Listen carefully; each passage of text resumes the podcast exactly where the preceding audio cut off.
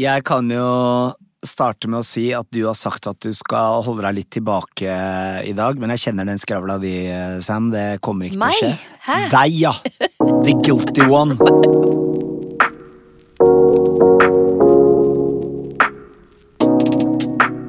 Nopapodden.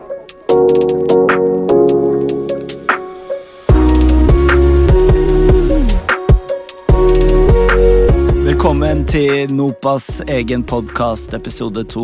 Ole Henrik Antonsen, styreleder. Har du noe mer å tilføye? Ja, nå, har vi faktisk fått et navn, for når vi laga den første episoden, så visste vi ikke det. Og vi har fått vignettmusikk. Vi hadde en liten konkurranse ute.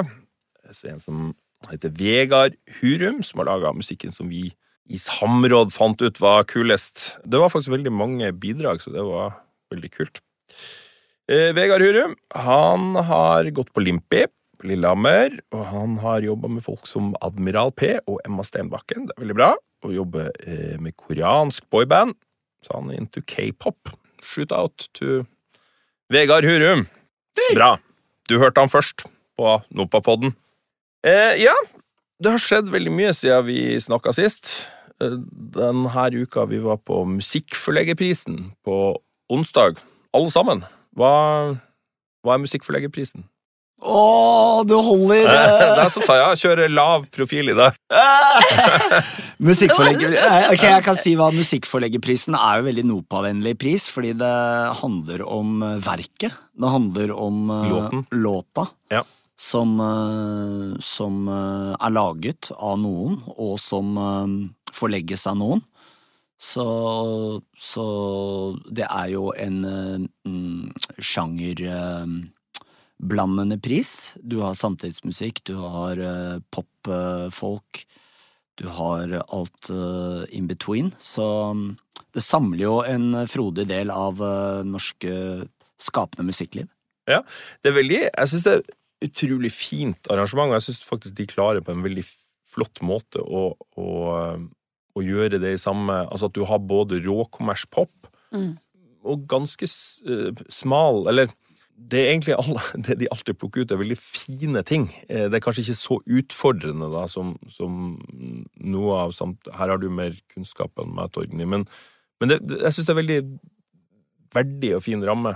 Så, Ja, og jeg tenkte på um, at um, Du vet, andre priser så ser du ofte popartisten, bare, kanskje, og det er ikke eh, Og da ser du ikke kanskje de som har skrevet låta. Det har vi jo hatt masse prat om tidligere, føler jeg, og ikke kanskje Bare det å komme på en prisutdeling der det er hovedfokus. mm. Der er låtskriveren som blir belyst, eh, og du ser jo popartisten også, men eh, det er det for lite av ellers. Mm. Så det var veldig refreshing, og at de kommer opp i lyset, kommer opp og får sin applaus. Mm. For så sagt noe om arbeidet de har gjort. Jeg syns alt det er Det er veldig lite av det der ute.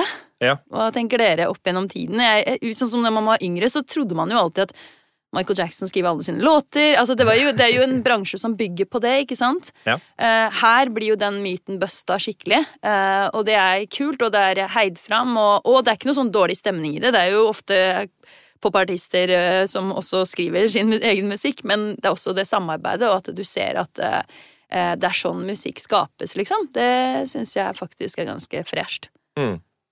Så er det jo et godt tegn når du, blir, når du oppdager nye artister på en uh, musikkprisutdeling. Jeg er en ny fan av Daniel Herskedal.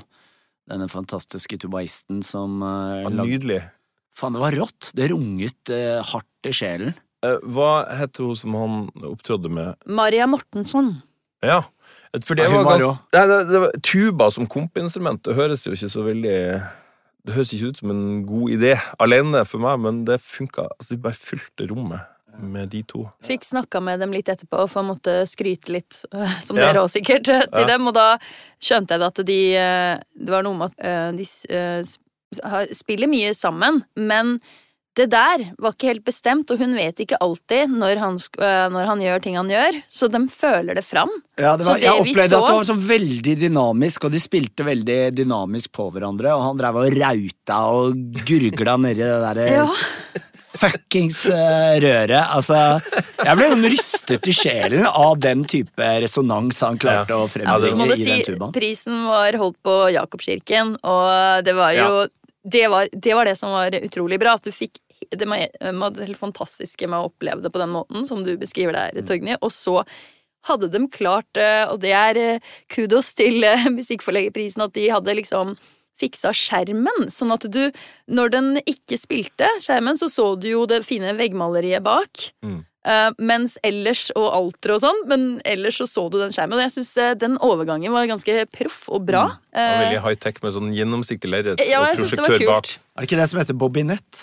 Det er helt riktig. Bobinett. Bobinett. Eh, Jeg skulle bare si, jeg, jeg, må bare fortelle, for jeg satt på sida av Emma, som jobber på kontoret i NOPA med regnskap, og hun driver ikke med musikk. Men hun ble jo bare sånn helt forstyrra, for alle rundt bordet drev og, og rava over han tuba-fyren. Men hun, hun syntes det var så fint, det hun sang eller joika. Ja. Så, og det er jo for en vanlig lytter, så altså det vi ble så dratt ut av, det var jo det at det ble så mye musikk. Mm. Så, men eh, hun var jo fantastisk bra. Men jeg tenker at vi, musikk treffer oss veldig forskjellig, ikke sant? Og Ja.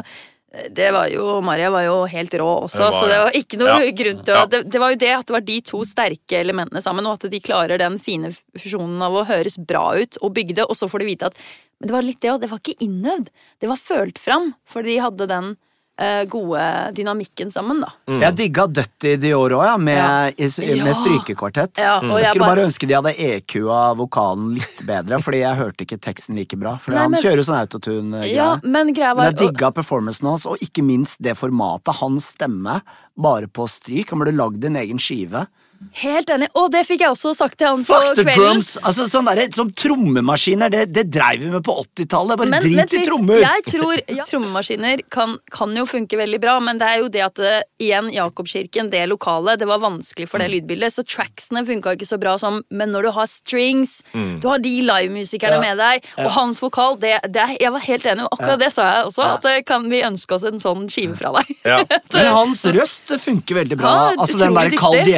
Djevel-låta er Ja. helt nydelig. Det er Enig. også egentlig bare en leirbålsang, men med veldig sånn pondus i, i tekst og vokal. Og så var det jo så rått at uh, Ari uh, vant uh, på My, my, my A Sustains. For en låt! Mm.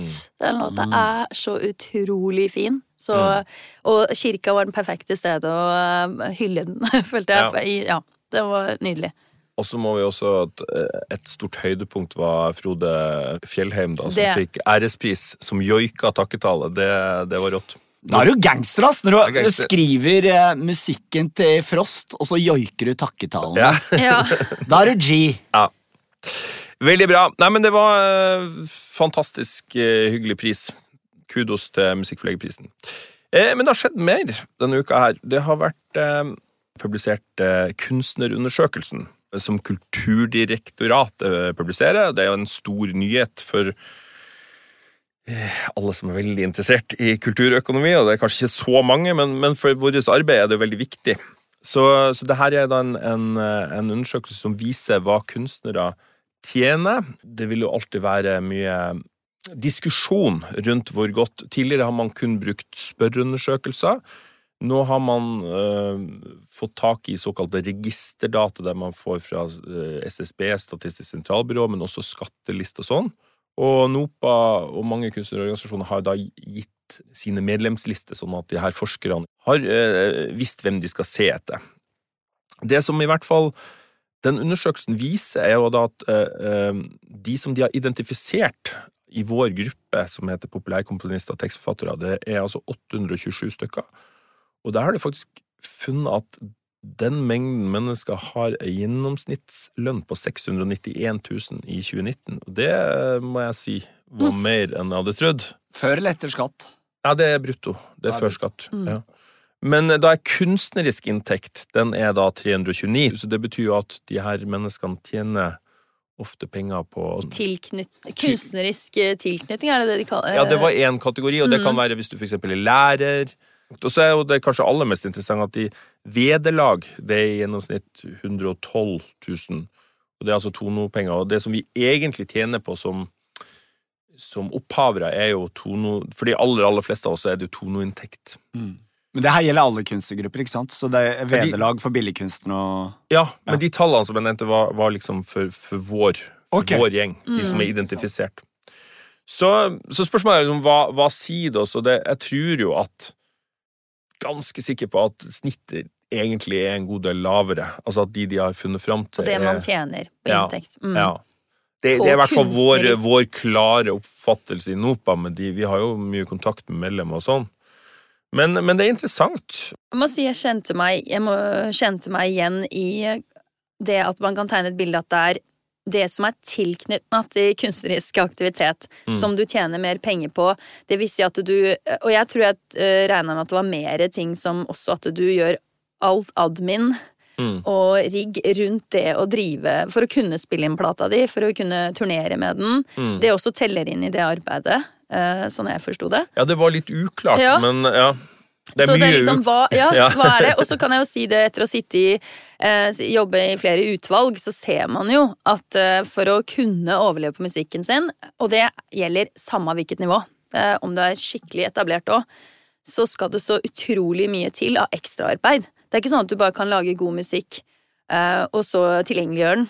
Mm. Eh, og da tenker jeg ja, men sånn er det jo bare. Men når man tenker på det, så er det sykt at det, du kommer ikke til å tjene noe på det du egentlig driver med, som er å lage musikken. Altså, Mm. at det ikke er godt nok eh, føles jo utrolig ja, skip, da. Og der var jo du eh, og representerte på strålende vis i eh, debatt, paneldebatt i Kulturdirektoratet Ja. da de la fram den her Ja, jeg var ganske nervøs for det. Jeg følte ikke at det gikk strålende, men jeg var, sånn, jeg var eh, veldig stolt. Jeg tenkte at dette er viktig, og det var det jeg skulle tenke litt på når vi begynte å snakke om det her, og vi snakker at det er jo geeking, for det er jo det å kunne tall og sånn, men jeg kjenner jo mer og mer alvor i at uansett om man føler seg at man driter seg ut eller ikke og forstår alt, så er jo hele poenget, poenget det at vi må være der. Eh, jeg syns vi må være og ta mer del, og det gjelder alle som hører på nå. At Mm. eh, ikke være redd for å melde situasjonen din og kommentere på disse undersøkelsene, for det er vi som vet som står i feltet, vet hvordan det egentlig er, de, vi som jobber med det. Ikke, ikke bare tallene kan snakke sin tale, for det, fordi det, det kom veldig fram i panelet at det er veldig vanskelig å finne ut av det du kanskje akkurat lurer på, da, eller ønsker å få litt sånn nyansetydelighet i. Det var vanskelig i forhold til at folk har AS, noen har AS, og vederlagene kan gå gjennom det. Mm. andre er enkeltmanns, enkeltpersonsforetak. Unnskyld. Takk. og, og, og selvstendig næringsdrivende. At det er så mange forskjellige tilknytningsformer at den utfordringen alene gjør at uh, tallene ikke alltid uh, blir så tydelige. Og da er det mange gråsoner. Men i panelet så var det jo uh, blant annet Heidi Marie Kristnik, som er avtroppende leder for Forfatterforeningen. Hun er jo forfatter også. Og så og også avtroppende leder av Kunstnernettverket, som samler, for de som ikke vet, 19 landsomfattende organisasjoner. Og så var det Ruben Steinum, eh, bildekunstner og direktør i Office for Contemporary Art Norway. Ja, ja, ja. Ja. Og Ruben, det må også si, han har jo vært eh, leder i Norske bildekunstnere, som er NOPA for bildekunst. Nettopp. og også vært leder av Kunstnernettverket.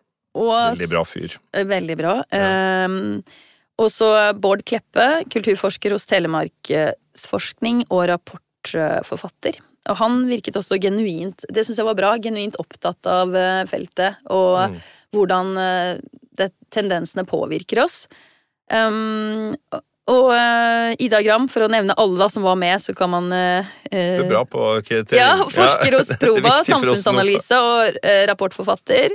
Selvfølgelig Kristin Danielsen, direktør i Kulturdirektoratet. Og så var det Markus Sakariasson, som er avdelingsdirektør for kulturanalyse i Kulturdirektoratet. Og det var Håkon eh, Bekkeng Flemmen, ordstyrer og seniorrådgiver i Kulturdirektoratet. Og også, viktig person å nevne, Anja Nylund Hagen. Seniorrådgiver i eh, Kulturdirektoratet og eh, en rå forsker. Ja, Anja er også en av de beste forskerne på eh, Så det var jo, det var jo forskertungt og kunstnertungt. Så jeg syns det var en uh, fin samtale. Ja, og det var nettopp det. For meg var det treningssak å bli vant til at når noe står så svart på hvitt på et Mm. ark, så tenker jeg sånn er det.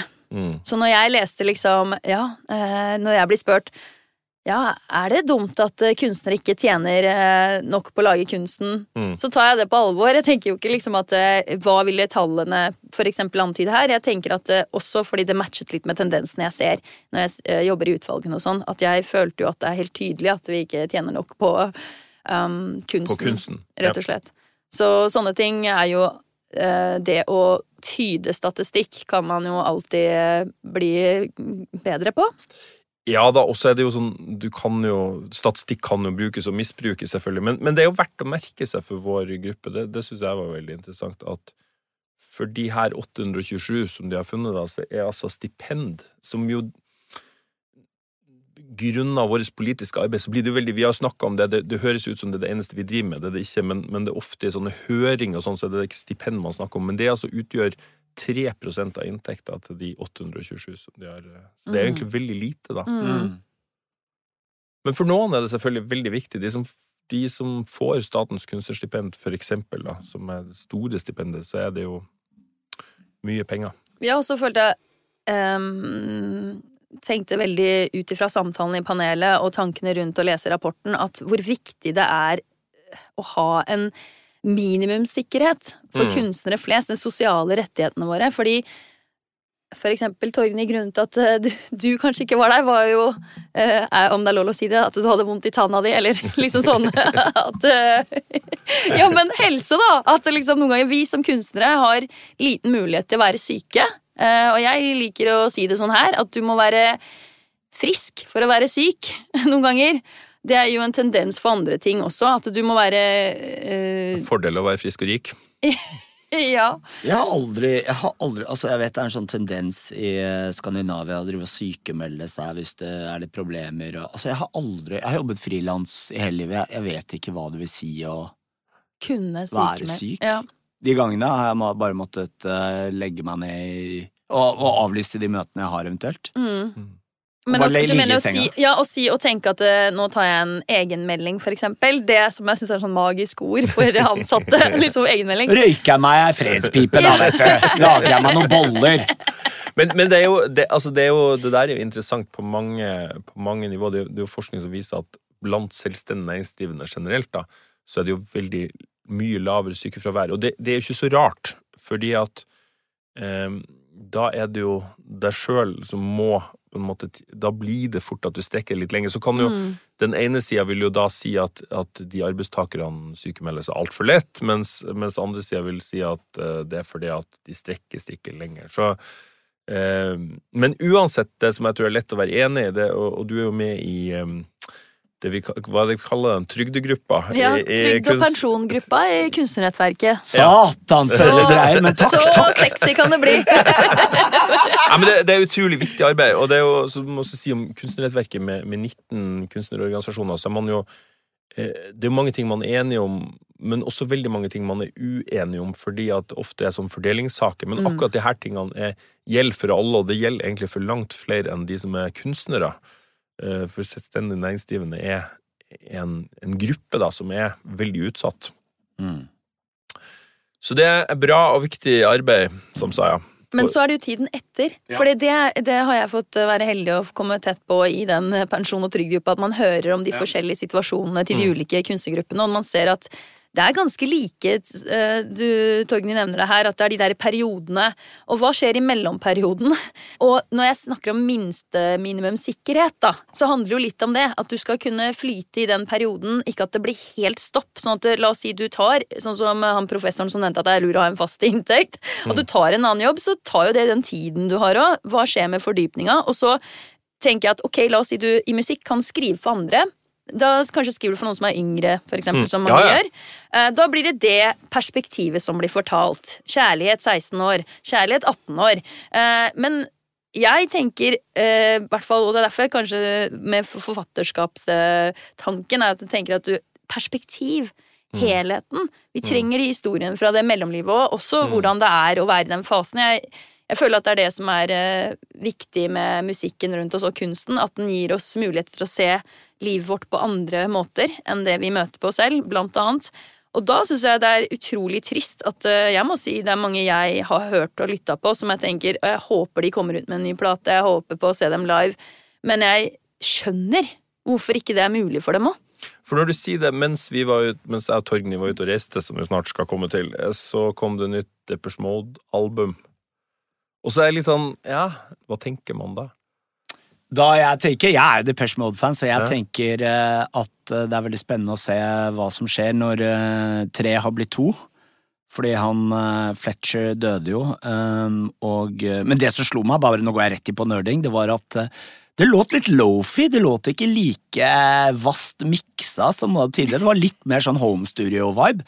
Men så kommer eh, stemmen til Gan og sånn, da, da blir det jo Depeche Mode med en gang, men eh, Men og nå skal vi spore helt av, uh, for da må jeg, jeg må tas tilbake til Musikkforleggerprisen igjen. For det var det jeg tenkte på hele kvelden, det var den logoen. Det var en sånn uh, animine, amin, animert, Animert. Ja. logo som kom, og den minte meg om skjermbeskytteren på Windows 311 som kom i 1991. Og så bare tenkte jeg herregud, det her er helt ute.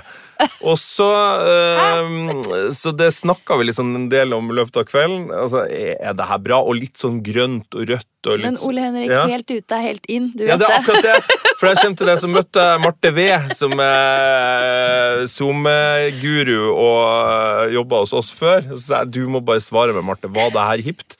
Eller var det fullstendig ute? Jeg, jeg syns det var ganske bra. jeg. Ja. Så ja, så det er jeg som er ute. Ja. Det, det minner meg om den visuelle profilen til Øyafestivalen når den ble liksom eh, Når det tok over en ny eh, designer etter eh, Are Kleivan, så ble det lansert ny Øyafestivalen-profil, og folk trodde det hadde skjedd en teknisk glitch. At bare sånn Ha, de har launcha hjemmesida si i sånn backstage-format, det ser helt fucked ut, og ingen Ja. trodde at det var det nye. Nei, ikke sant? Så mens jeg satt her i Oslo og svetta i et panel, så var dere på tur. Vi har vært på tur. Utenlands. Stemmer det det? store utland. Internasjonalt. Fortell oss hva skjedde der. Nei, vi Og dro, hvor var først, vi dro først i Brussel, på EXA-konferanse, altså European Composer and Songwriter Alliance. Det er da paraplyorganisasjonen til NOPA i Europa. Eh, og Der sitter jo du i styret, Ole Henrik, og det er en veldig viktig internasjonal organisasjon for NOPA som, som jobber på et høyere holdt på å si eh, internasjonalt maktnivå da, for eh, låtskriveres rettigheter. Ja. EXA er jo, og det er jo det er en paraplyorganisasjon som, som er ikke bare for NOPA-foreningen, men også for komponistforeningen for de som skriver klassisk og samtidsmusikk. Da. Så det er, vår, det er liksom vår, vårt viktigste verktøy i, i politikken da, i Europa. Og du er styremedlem i EXA. Jeg er styremedlem i EXA. Jeg leder det som heter APCO-komiteen, Mm. eh, som, som er popmusikk, da. På Ja. Altså det, da var vi der, tre dager til ende med eh, først en konferanse som man har eh, en gang i året, som heter Creators Conference, og da er det liksom aktuelle tema. Nå gikk det jo En gjenganger har jo vært eh, EU-direktivet, eh, copyright-direktivet, og så streamingøkonomi, da, og så nå er det AI. Det er liksom, og det skal vi Jeg vet ikke om vi skal gå så mye inn på det nå, men det tror jeg blir en egen episode. For det er veldig Men det er jo ikke sikkert det er vi som gjør den, Fordi nå har vi AI som gjør det Ja, ja. for oss. Eh, Vi kommer bare til å melde Ja, oss det, og snakke om. deepfake, det var faktisk På den konferansen så var det en tysk eh, advokat som nøla skikkelig ut med musikkeksempler. Ok, denne metal-låta her, er det skrevet av et menneske, eller er det skrevet av AI? Og så var, spilte han eh, to forskjellige metal-låter. En som er skrevet av et menneske, og en som er skrevet av AI. Begge skrevet, spilt inn av samme band. Jeg bare wow, faen, det er to bra låter. Var det det? Ja, Du altså, jeg hørte masse eksempler, og så AI kommer. Men eh, det blir en egen episode. Men nei, altså, EXA er veldig viktig, da. Vi fikk også innblikk i en så skikkelig tørr eh, EU toppbyråkrats eh, tanker om eh, viktigheten av musikk. Eh, og EU, som vi skal snakke litt mer eh, om, er jo utrolig eh, Har virkelig begynt å skjønne verdien av kultur og satse mer og mer på kultur. Det, altså, Europa Europas befolkning holdes ikke sammen bare det at vi liksom deler eh, euroen og, og har et pengefellesskap. Det må noe dypere til, det må noe mer eksistensielt og engasjerende og sanselig til. Jo, kultur. Og dette har EU skjønt, så det var, det var veldig gøy å se, høre liksom de visjonære toppbyråkratenes tanker om eh, hvor viktig eh, musikk og kunst er slik de ser det. Det egentlig alltid har vært viktig i EU. Uh, altså det er jo selvfølgelig masse ting som er dårlig med EU, som alt, men det er for meg da enda flere ting som er bra, og det at man står i så mange store, store spørsmål som må løses på et helt annet nivå enn, enn det vi kan gjøre her, da. Og, og det gjøres også ved, ved hjelp av kunst og kultur. Og det er litt viktig, det kan vi snakke om. NOPA er jo da partner i Det finnes noe som heter EØS-prosjekt, som er en del av de pengene vi betaler for å være med i EØS, går til utjevning av forskjeller mellom rike og fattige EU-land. Det samme gjelder for de som er medlem i EU, så går det penger fra de rikeste landene til de, den rikeste halvdelen til den fattigste halvdelen. Og eh, i de her prosjektene, som kan være alt mulig, det kan være utdanning, det kan være teknologi, eh, men så er det ganske mange land som velger kunst og kultur. Av de fattige landene ja. skal ja. de velge å få støtte til ja. kulturlivet fra de rikere EU-landene.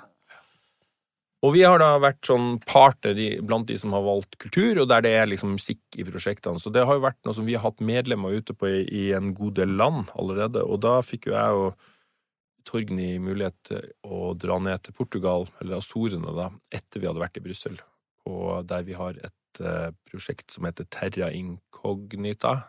Terra Incognita, hvor da norske låtskrivere og komponister blir invitert ned på et residency på Azorene, altså de portugisiske øyene utenfor, uh, langt ute i Atlanterhavet utenfor Portugal, og gjøre samarbeid med portugisiske låtskrivere og komponister for å lage musikk til en trail. Så det var veldig gøy, da, Mm. Og, og, først se uh, ting på et slags sånt uh, makt, byråkrat, Brussel-nivå, for så å reise til der kulturen på en måte artikuleres på gatenivå, og mm. se hvordan det utspiller seg.